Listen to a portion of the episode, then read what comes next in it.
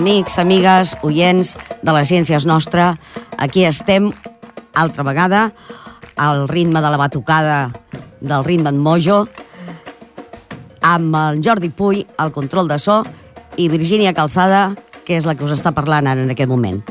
Doncs comencem amb les notícies. Uh, el passat 10 de febrer es va llançar el Solar Orbiter.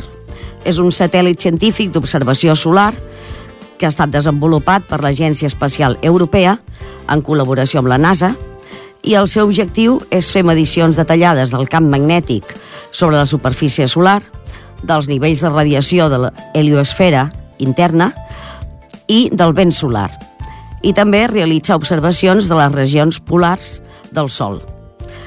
Totes aquestes medicions tenen com a objectiu de respondre a diverses qüestions sobre la nostra estrella i el seu entorn que es podrien resumir en com el Sol crea i controla la seva heliosfera.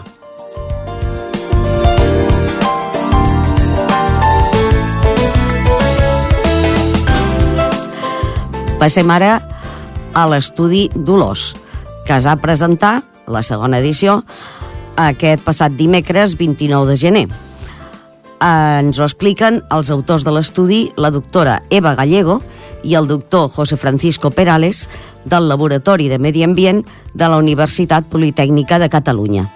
Soc l'Eva Gallego, del Laboratori del Centre de Medi Ambient. José Francisco Perales, també del Laboratori del Centre de Medi Ambient de la Universitat Politècnica de Catalunya. Doncs moltíssimes gràcies. Em feu cinc cèntims d'avançada de, de què tractarem aquesta tarda?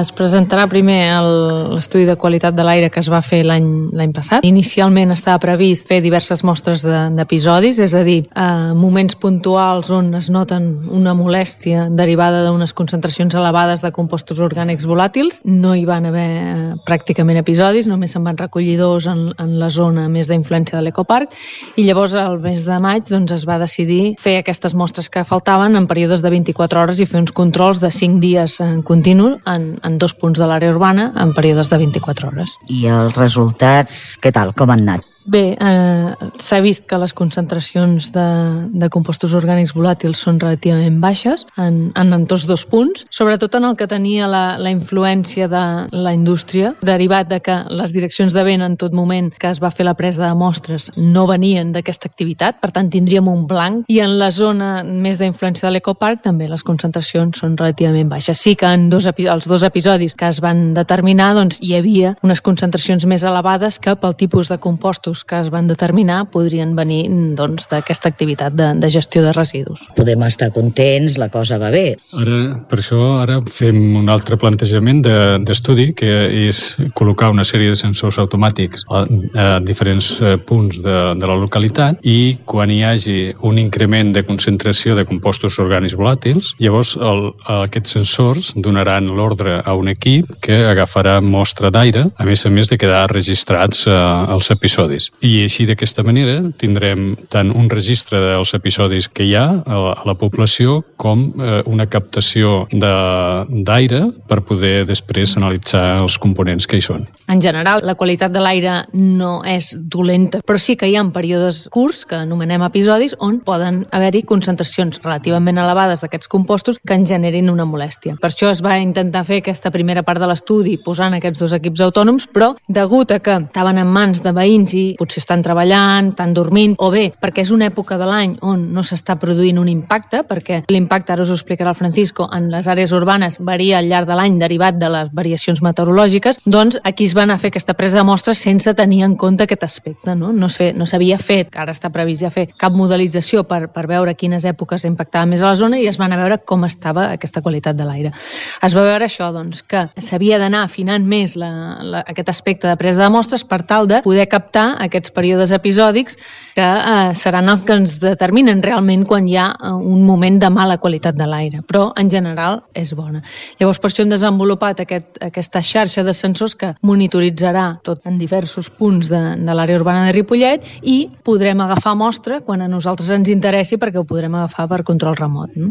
I no necessitarem doncs, dependre d'alguns veïns que hi ha, hi ha un moment on si vols abarcar molt més doncs necessites d'aquest doncs, tipus de tecnologia. Molt interessant. Com ha dit Eva, ara començarem fent un eh, plantejament, una modelització matemàtica per veure en quines èpoques de l'any i en quins punts del territori són esperables els impactes de les activitats que puguin generar episodis de, de contaminació odorífera. Això de modelització sembla matemàtiques. Dóna'ns una mica d'idea com es fa i per què serveix. Donat eh, la localització dels possibles focus d'emissió i estudiant la meteorologia de la zona, podem saber com, quins són els vents que hi ha a la zona eh, cada hora i podem veure com es transporta aquesta possible contaminació cap als receptors i eh, podem establir uns mapes amb els quals ens indica la probabilitat de que es produeixin eh, episodis de dolor, de contaminació. La modelització és eh, per poder fer una previsió. Sí, sí exacte. És, un, és per poder fer un estudi estadístic de diferents anys de com es transporta la contaminació des dels focus a, als receptors a, a la població. Eh, jo estic una mica mentalitzada perquè vam fer el congrés aquest de qualitat de l'aire a Sabadell, però mm, veig que no és ben bé el mateix, perquè clar, allà es parlava eh, sobretot de les partícules PM10 i PM2,5. Clar, aquestes potser no fan cap olor, però també són molt nocives. Perquè clar, aquí estem parlant de coses que fan olor, que fan mala olor i la gent ho ensuma i, i s'espanta. Però mm, què hi ha de les coses que no fan olor? Clar, en aquest estudi que està eh, enfocat a l'avaluació dels compostos orgànics volàtils, que són aquest, aquesta gamma de compostos que són, ens troben en fase gas a temperatura ambient, que són de diferents famílies químiques i que ens poden produir, entre altres coses, un impacte per olor que dependrà del que s'anomena el seu llindar d'olor. El llindar d'olor és la concentració a partir de la que nosaltres comencem a olorar aquell compost. Si aquest compost en l'aire està a una concentració per sobre d'aquest llindar d'olor, l'olorarem i si no, no. Això no vol dir que ja no hi hagi compostos que no olorem, perquè el seu llindar d'olor és molt alt i que potser estiguin en concentracions que no serien recomanables estar eh, exposats, o bé al revés, que hi ha compostos que potser els olorem, però a nivell de salut no tindrien un impacte tan rellevant. Per això és important fer aquesta caracterització química d'aquests episodis per veure què és el que tenim aquí i quantificar-ho i saber què tenim de cada cosa. A partir d'aquí podem saber si només és un aspecte a nivell dolors o si és un aspecte també per la salut. I a nivell de, que deies de, de, les, de les partícules, són un altre tipus de, de contaminants atmosfèrics. O sigui, la gamma de contaminants atmosfèrics és molt àmplia. Tindríem des dels contaminants primaris, on tindríem aquestes partícules, on tindríem òxids de nitrogen, òxids de sofre, etc, que vindrien a nivell de combustió, i tenim aquests altres compostos, els compostos orgànics volàtils, que a part de venir també de processos de combustió, també ens venen de processos industrials, formen part de dissolvents, fins i tot a casa nostra tenim productes de neteja, productes de pintures, vernissos, etc sí. que contenen aquests compostos. Per tant, són uns compostos molt ubicus i que doncs, també són importants per, per determinar això, si l'impacte que tindríem d'ells seria només a nivell olor, odorífer, o bé també tindria un aspecte important sobre la salut. D'aquests compostos, quins eh, són els més perillosos per la salut? Bueno, D'aquesta aquest, gamma de compostos, que, que són una gamma molt àmplia, eh, podríem tenir doncs, compostos tant des de que siguin tòxics, que siguin irritants, que siguin eh, això que, que ens puguin generar un malestar degut a, la, a que estaríem exposats a una càrrega química, però també hi ha alguns que són cancerígens. En aquest cas, el benzè sí que està regulat per llei, però altres compostos, per exemple, com el butadiè, que també és un producte de combustió, en, és cancerigen i encara no està regulat. No? És un ventall molt ampli. A nivell de benzè s'ha reduït molt, les concentracions són molt baixes en, en general arreu del territori i del butadiè també són, són concentracions que, que són baixíssimes, a no ser que hi hagi alguna activitat molt específica que utilitzi aquests productes que llavors doncs, ja seria un aspecte a tenir en compte a nivell de gestió de l'activitat. Dir que amb aquest, amb aquest sistema eh, podem tant determinar els compostos que tenen olor i que serien inocus com els compostos que no tenen olor i no són inocus, o sigui, podríem establir i podrem discriminar i tenir tot el ventall de, de components que hi ha en episodis de, que, o que es puguin donar en episodis i a més que seran captats eh, de manera automàtica mitjançant un sensor, amb un sistema de control i monitorització en continu. Ho analitzeu després per cromatografia de gasos, m'imagino, sí, oi? Sí. Primer de sorció tèrmica, després passa per un cromatògraf de gasos que separa els components i després s'identifiquen els components amb espectrometria de masses. Sí, sí. Doncs, bueno, anem per la presentació perquè ja gairebé deu ser l'hora. Moltíssimes gràcies a tots dos per aquesta estoneta que ens heu concedit. Només eh, afegir de que, bueno, que el que farem aquí a Ripollet, eh, això que presentarem d'aquest monitoratge en continu en diferents punts del territori i agafar aquestes mostres d'episodis, serà una cosa pionera que es faci eh, aquí. No, nosaltres hem fet proves amb aquest, eh, o sigui, hem, hem validat aquest sistema, però el que és establir-lo en una xarxa de sensors serà anar al primer lloc on es faci i, per tant, doncs, és una, una nova visió que, que també creiem que és la que s'ha de tenir, que és la millora contínua de la qualitat de l'aire. És a dir, si tu tens un monitoratge en continu, saps en cada moment on estàs tenint episodis del territori i per tant també és una, eh, una pressió afegida a totes les activitats de que sabem doncs, que el que s'està produint no? i és una cosa de dir amb els resultats que es vagin obtenint, si es poden identificar orígens, es pot treballar amb les diferents activitats des de l'administració perquè les concentracions d'emissió també cada cop vagin disminuint i per tant també en immissió tinguem concentracions més baixes. És una millora contínua, és no només tenir, fer unes mesures puntuals professionals eh, en un període concret X i, i, de, i assumir que sempre està, a part d'aquest període tot està bé, sinó fer un seguiment i, i amb els resultats que s'obtinguin poder treballar amb les activitats que no vagin per cadascú per la seva banda. No? Doncs ara sí, moltíssimes gràcies a tots dos.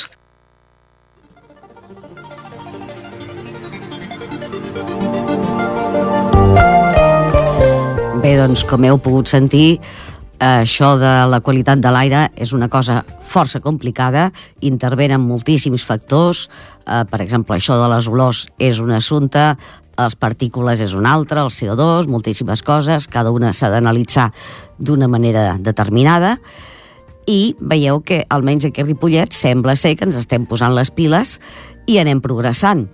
I cada vegada doncs, anem afinant més amb la manera de, de mesurar i de tenir més resultats, més fiables i tot això. Bé, doncs després d'aquesta xerrada, eh, que vaja, per mi va ser molt interessant, eh, encara vam tenir un suplement, eh, dues alumnes de batxillerat de l'Institut La Ferreria de Montcada, Imane Elgribes i Safa Chaudhry, van presentar el seu treball sobre el Triangle de la Mort, eh, que està centrat en tres punts eh, conflictius, la cimentera La Far Jasland, l'Ecoparc i els abocadors de Cerdanyola. Sentim-les ara a continuació. Tenim aquí dues alumnes de batxillerat de Montcada que han fet un estudi molt interessant que ens l'han presentat també aquesta tarda. Com us dieu? Jo em dic Safa. Safa. I tu? Jo, Iman. Iman. I quin curs feu? Eh, estem fent eh, segon, segon de batxillerat eh, social humanístic eh, dins la ferreria, en Caireixac. I ens feu cinc cèntims de l'estudi que heu fet aquest tan interessant? Bé, doncs hem estudiat un cas al que li anomenen el triangle de mort. És un triangle que es diu que hi ha més índex de contaminació i formen els vèrtex tres instal·lacions que tenen a veure més del que sembla. Eh, totes tres instal·lacions eh, estan fent una molt mala gestió dels residus eh, o bé les incineren incineren o bé les... Eh, les enterren. Eh, sí, i, o bé mm, l'ecoparc fa bales però després les porta cap a les incineradores o als abocadors. I bàsicament estàvem comprovant si, si hi ha realment més agents químics que estan afectant la nostra salut o no. Eh, quines són aquestes tres aquestes tres instal·lacions són eh, l'Ecopac 2 eh, en Ripollet, després trobem la cimentera La Faig en Montcada i Xac i els abocadors a Cerdanyola. Parleu-nos una miqueta de les conclusions que heu tret d'aquest estudi. Hem confirmat la nostra hipòtesi que en aquest triangle hi ha més agents químics que estan contaminant eh, la, la salut de les persones que hi vivim, però que també en altres poblacions, perquè tenen un radi d'actuació bastant, bastant ampli. I després també hem arribat a la conclusió que aquestes tres instal·lacions tenen molt a veure, ja que aquestes, aquestes plantes es dediquen a la gestió dels residus, però que no estan fent el que haurien de fer. Eh, què hauríem de fer els ciutadans? A veure, què us sembla que hem de fer nosaltres com a ciutadans? Eh, nosaltres, eh, com que hauríem, eh, tindríem que reivindicar per una societat ciutat neta i unes administracions que facin una bona gestió de, dels residus i així és com aconseguirem disminuir amb la contaminació i fer front a molts eh, problemes que estem patint avui en dia. Molt bé. I ara, mm, ja per últim, sabeu que el 8 de març és el Dia de la Dona Treballadora, que quan s'emeti aquest programa estarem molt a prop del 8 de març. Heu pensat quins plans teniu de futur, a què us voleu dedicar? Eh, la veritat és que no eh, ho tinc del tot clar, però eh, crec que m'agradaria fer un grau de ciències polítiques i dret. Ciències polítiques. I a tu què t'agradaria? Eh, jo encara no ho tinc molt clar, però eh, crec que com que m'agrada la diplomàcia i les relacions internacionals, crec eh, que m'agradaria fer un grau de relacions internacionals a la UAB. A la UAB. I ara es compro cap a casa perquè això és inevitable. A veure, el programa nostre es diu La ciència és nostra. I diguem que la idea és que la ciència està a tot arreu, influeix fins i tot a les coses que no ens sembla. Vosaltres hi esteu d'acord amb això? Sí. Molt bé. I tu? També. Molt bé. Us ha quedat d'allò més natural. O sigui, res, gens forçat, eh? D'allò. Di que sí, di que sí. doncs, gràcies mil. Tu vols dir alguna cosa, no, també? Sí, no. Digues, digues alguna cosa, home. Digues que, són, digues que són unes magnífiques alumnes i tot això que es diu, va. Ja, home, parlem també amb el professor que els ha dirigit aquest treball. Presenta't tu també. Va.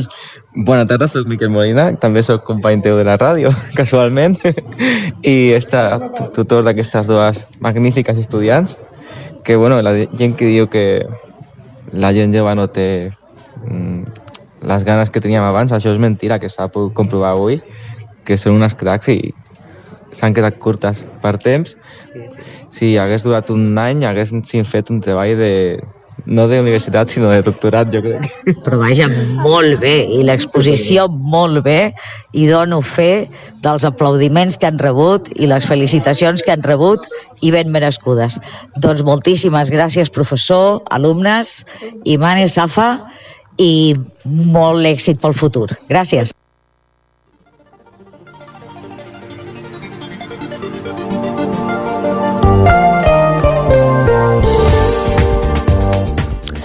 Doncs bé, també es fa ciència al Centre d'Interpretació del Patrimoni Molí d'en Rata.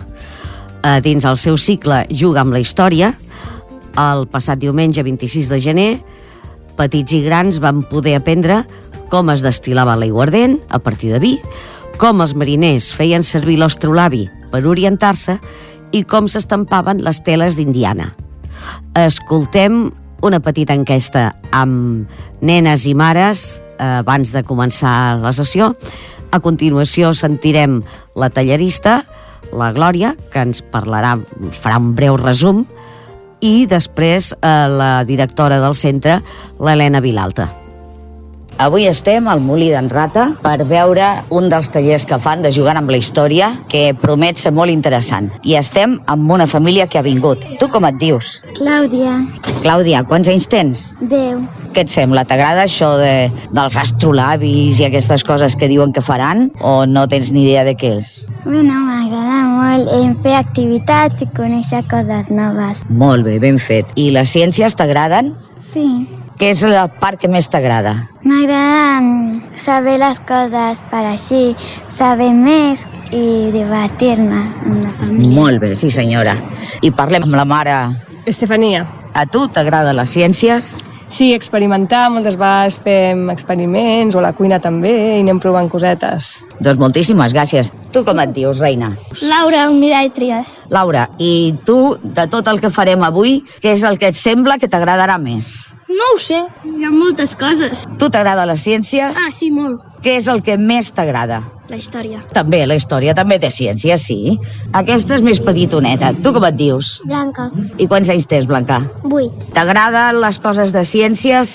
Mm. Ciències naturals, coneixement del medi, aquest tipus de coses que feu? No. No t'agrada? Vaja, home, què t'agrada a tu? Ui, s'ho està pensant. Mentre s'ho pensa, anem per la tercera. Tu com et dius? Aurora. Tu ets més grandeta. Tu quants anys tens, Aurora? 11. I a tu de tot això, què és el que t'agrada més i el que t'agrada menys? No ho sé perquè no ho he fet mai. Bueno, però a veure, el que feu al col·legi, per exemple, de les ciències o allò coneixement del medi, t'agrada tot això? Sí, I fer experiments, t'agrada? sí. Doncs em sembla que ens agradarà.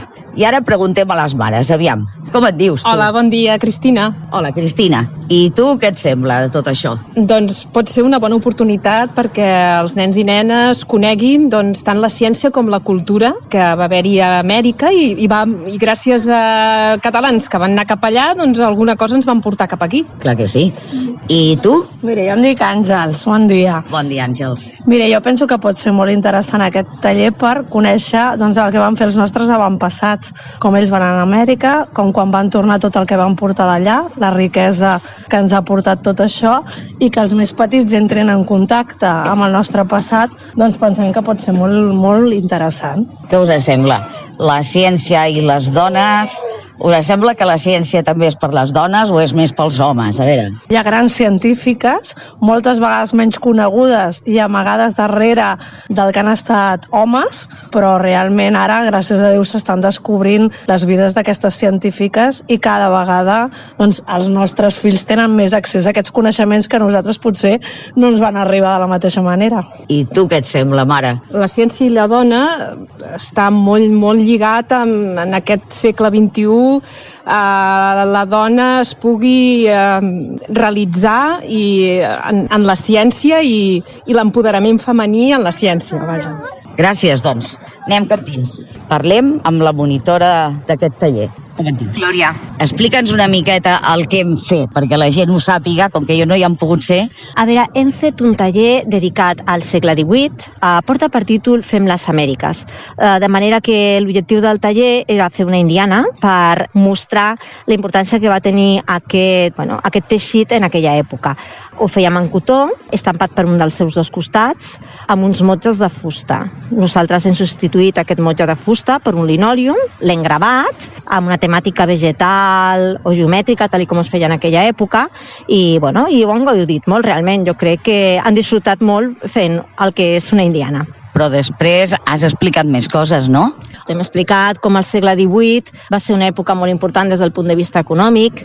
Aquesta època, el que va passar en aquest segle, va sentar les bases de la industrialització que ens vindrà després, al segle XIX i també la necessitat que va sorgir en aquell moment per part de molts catalans de marxar cap a Amèrica eh, per tal de fer fortuna, aquests indians, que alguns van retornar, rics, a viure els últims anys aquí, a, que era la seva casa. I allò de la destil·lació i de l'astrolabi... Clar, eh, com feien els viatges cap a Amèrica? Doncs d'entrada, al principi, vaixell de vela, clar, a falta de GPS i d'altres maneres d'orientar-se, comptaven amb astrolabis que eh, mitjançant la línia de l'horitzó i agafant un punt de referència, ja sigui el Sol o alguna estrella, doncs calculaven l'angle per poder calcular la latitud a la que anaven. Així saber si el rumb que portaven era el correcte o no era el correcte. També hem vist com es fa la destil·lació, donat que l'aiguardent també va ser un dels productes estrella en aquest comerç amb Amèrica i hem fet l'experiència de, de fer una petita destil·lació d'aiguardent amb un petit alambí i, bueno, i veure tot el procés. Escolta, i una altra cosa, estem a prop a prop del dia 8 de març, que és el Dia de la Dona. Què ens pots dir de les dones amb el segle XVIII? Ens pot explicar alguna coseta? Per exemple, això d'anar a Amèrica. Hi van participar les dones?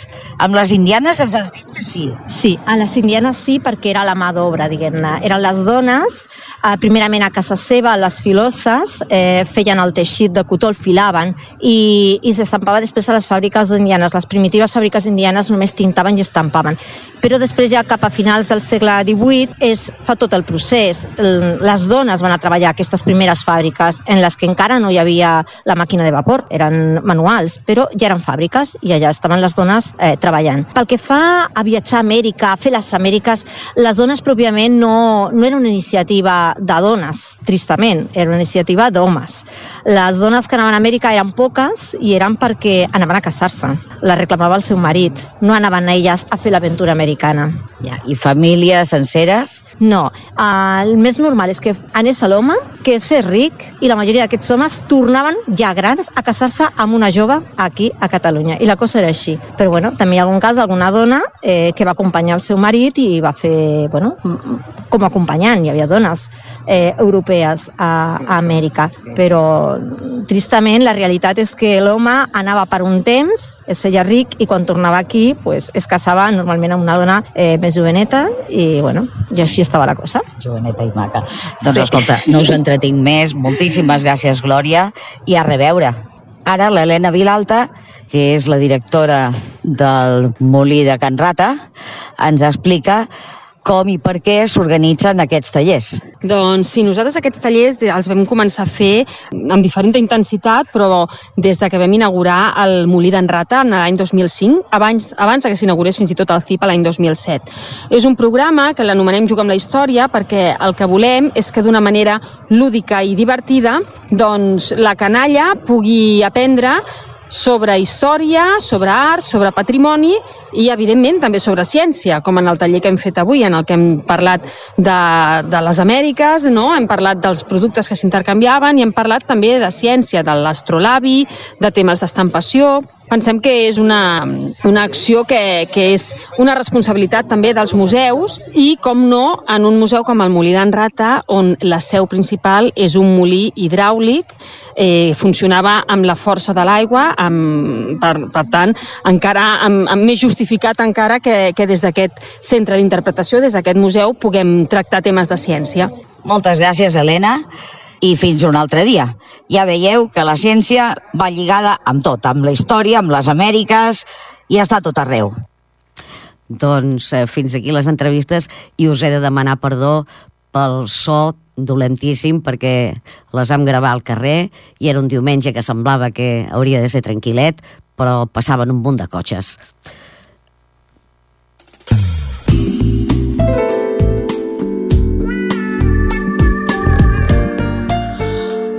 Doncs anem a l'apartat de les pel·lícules i avui us recomanem una que s'acaba d'estrenar i es diu La guerra de les corrientes.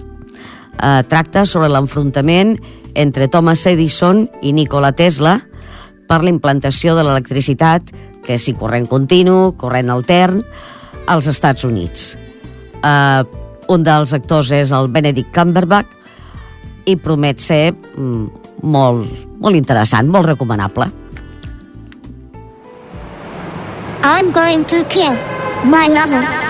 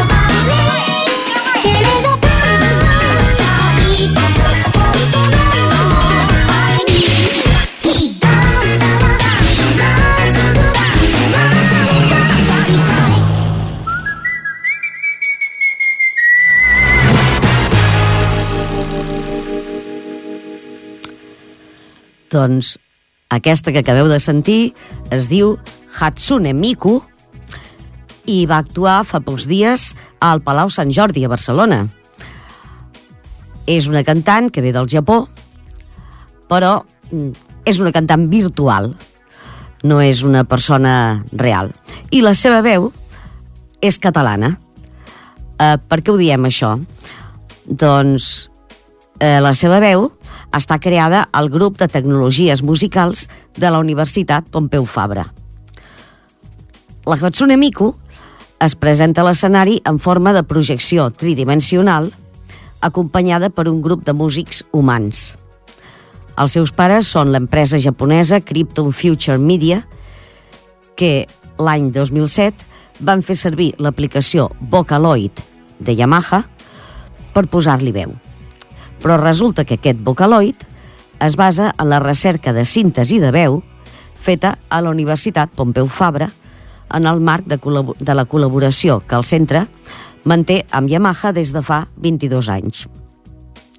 Per tant, doncs, la Hatsune Miku té origen català, ves per on. Aquesta cantant té una gran comunitat de fans al Japó que componen cançons i vídeos amb aquesta aplicació Vocaloid i les comparteixen. I després el personatge les inclou en algunes de les seves actuacions, dels seus concerts. La Universitat Pompeu Fabra ens explica que des que apliquen tècniques d'intel·ligència artificial al programa, les veus de Vocaloid poden reproduir els matisos de qualsevol cantant humà. Les dades per a la veu es van crear a partir del mostreig de la veu de Saki Fujita, que és una actriu japonesa de doblatge. A diferència dels sintetitzadors de veu generals, genèrics, el Vocaloid està sintonitzat per crear cançons, en especial de pop japonès, com hem sentit ara mateix, i en l'actualització Vocaloid 3, eh, Hatsune Miku inclou també un banc de veu amb els fonemes necessaris per cantar en anglès.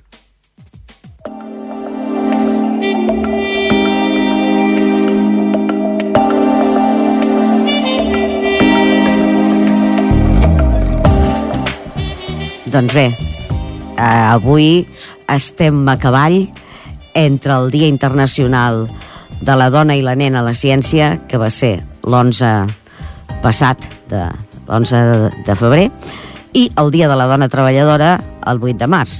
O sigui que eh, permeteu-me que recordi les dones de ciència que han passat per aquest programa, que no són poques. La Rosa Moragas, enginyera tècnica a la Regidoria de Protecció del Medi Ambient de l'Ajuntament de Ripollet, Esther de Trinxeria, professora de Matemàtiques i de Teatre al Col·legi Sant Gabriel, Anna i Esther, alumnes d'ESO al mateix col·legi, Núria Escursell, estudiant d'Enginyeria Aeroespacial, Rosa Nomen, doctora en Enginyeria Química i catedràtica a l'Institut Químic de Sarrià, Amèlia Ortiz, doctora en Astronomia de l'Observatori Astronòmic de València, Wanda Díaz Merced, doctora en Astronomia, Sega, especialista en sonificació de senyals, Marta Gelagués, tècnica de patrimoni al Museu Poblat Ibèric de Can Oliver, Ares Vidal, arqueòloga, Patricia Calzada, biòloga, Eva Gallego, que l'hem sentit fa poca estona, doctora en Ciències Ambientals per la Universitat Autònoma de Barcelona, Imani Safa, alumnes de batxillerat, que també les hem sentit ara fa poquet, la Glòria Gómez Saavedra, que ens ha explicat el taller de Juga amb la Història, Fem les Amèriques, Helena Vilalta, directora del Centre d'Interpretació del Patrimoni Molí d'en Rata, i les nenes i les mares assistents en aquest taller de Juga amb la Història. A totes elles, moltíssimes gràcies.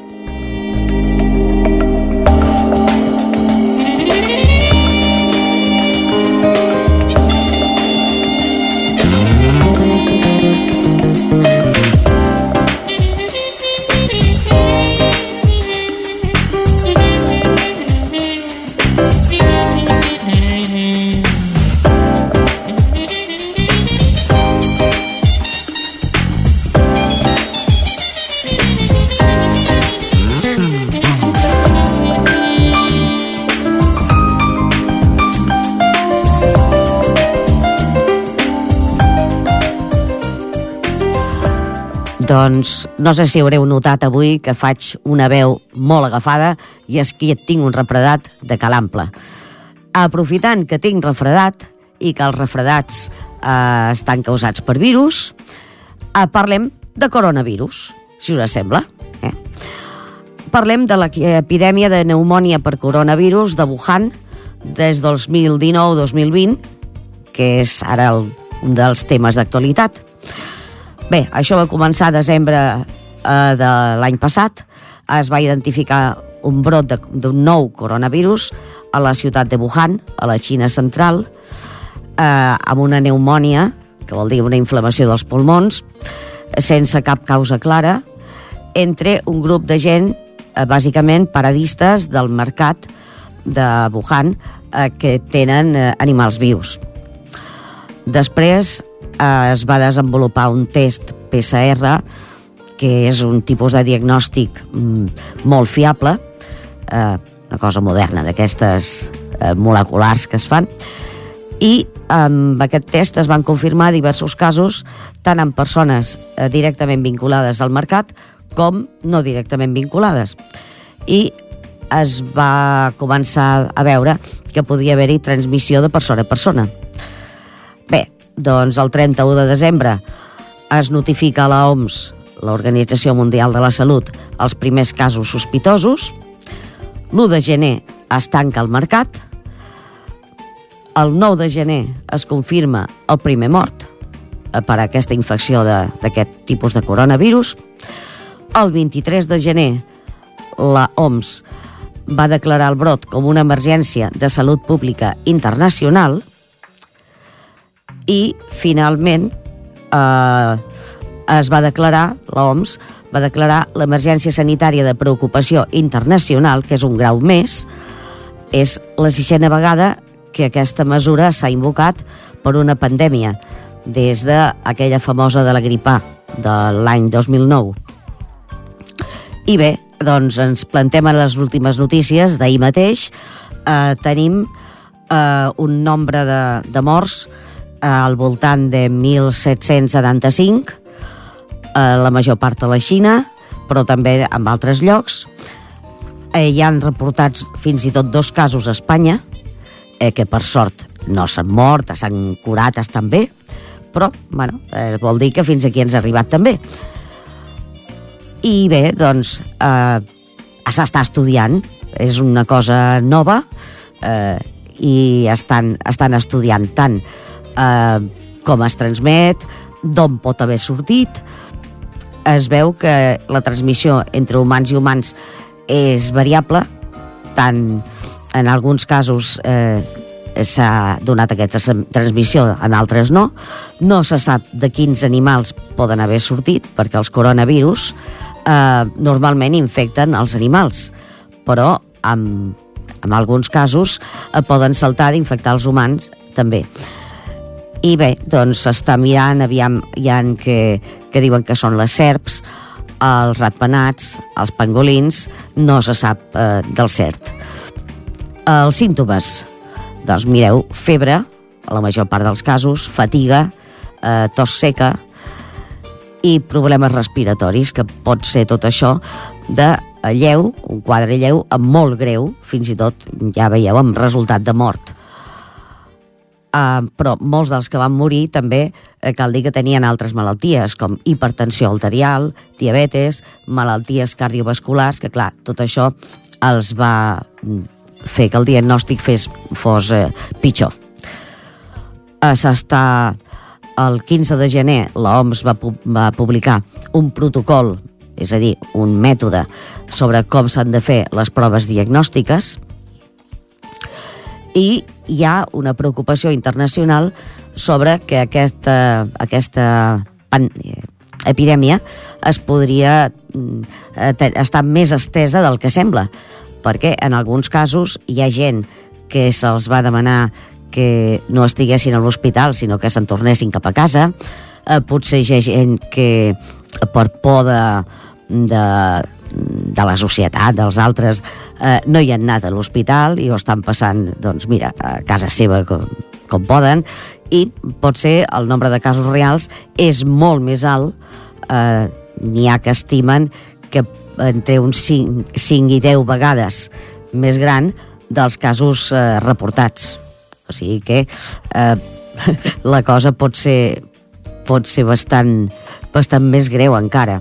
Amb tot això, les, les, perdó, les autoritats de la Xina han tancat les escoles en aquella zona i eh, també altres coses, doncs eh, sabeu que la ciutat aquesta de Wuhan està sotmesa a quarantena, eh, està pràcticament aïllada, vols eh, suspesos i s'estan fent tots els possibles. Eh, vacunes. Ja sabeu que els, els virus els antibiòtics no els hi fan res. Eh, en tot cas, eh, són vacunes o antivirals.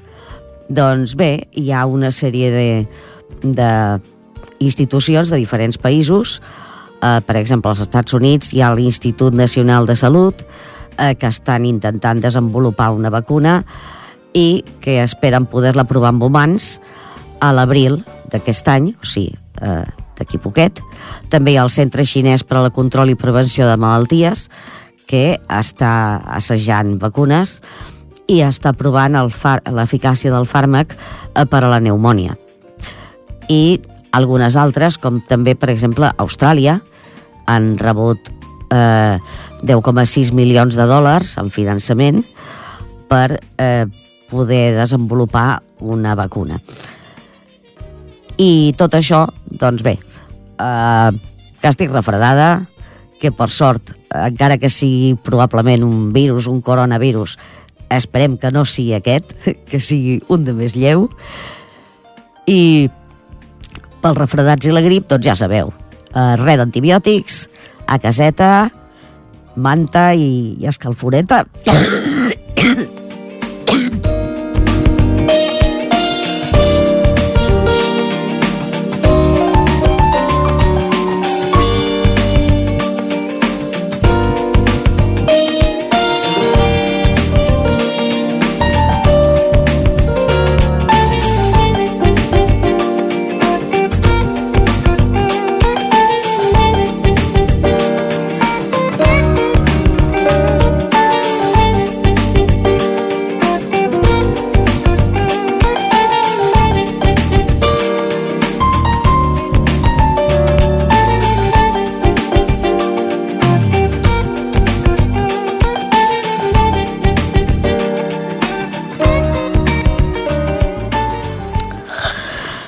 Doncs d'aquest- després d'aquesta explosió de tos i amb la gola encara feta un, un desastre, parlem, ja per acabar, de l'experiment. L'experiment d'avui és la lupa d'aigua. Necessitem un tros de plàstic ben transparent, que sigui rígid i que sigui pla i que sigui llis. Al mig d'aquesta part plana hi posem una goteta d'aigua. Bé, doncs amb això ja tenim formada una petita lupa amb la qual podem veure detalls com, per exemple, doncs, la trama d'impressió d'una foto. La lupa amplia més si la separem una mica de l'objecte que volem mirar. Ara, si us fixeu bé, la gota d'aigua és arrodonida, és gairebé com si fos mitja piloteta.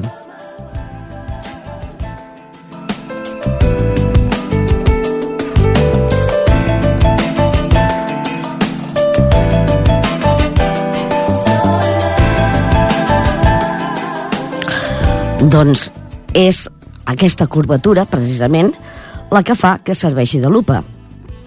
Per què? Doncs mireu, la llum viatja en línia recta, ja ho sabeu, eh, va per l'aire, però quan arriba a la gota d'aigua, la curvatura de la gota fa que el raig de llum es torci, canvi de direcció, quan passa de l'aire a l'aigua. Bé, això mm, eh, és un tema interessant, és un tema que pot donar molt més de sí. Si voleu eh, saber-ne més, busqueu òptica lent convergent, perquè aquesta goteta forma una lent convergent. Veureu que hi ha uns gràfics que, clar, per la ràdio no, no els podem posar i ens ajudarà a entendre per què eh, es dona aquest efecte. Doncs bé, fins aquí Uh, ara sí que ja ens despedim i vaig a tossir una estona tranquil·lament. Gràcies al Jordi Puy i a reveure fins al mes vinent.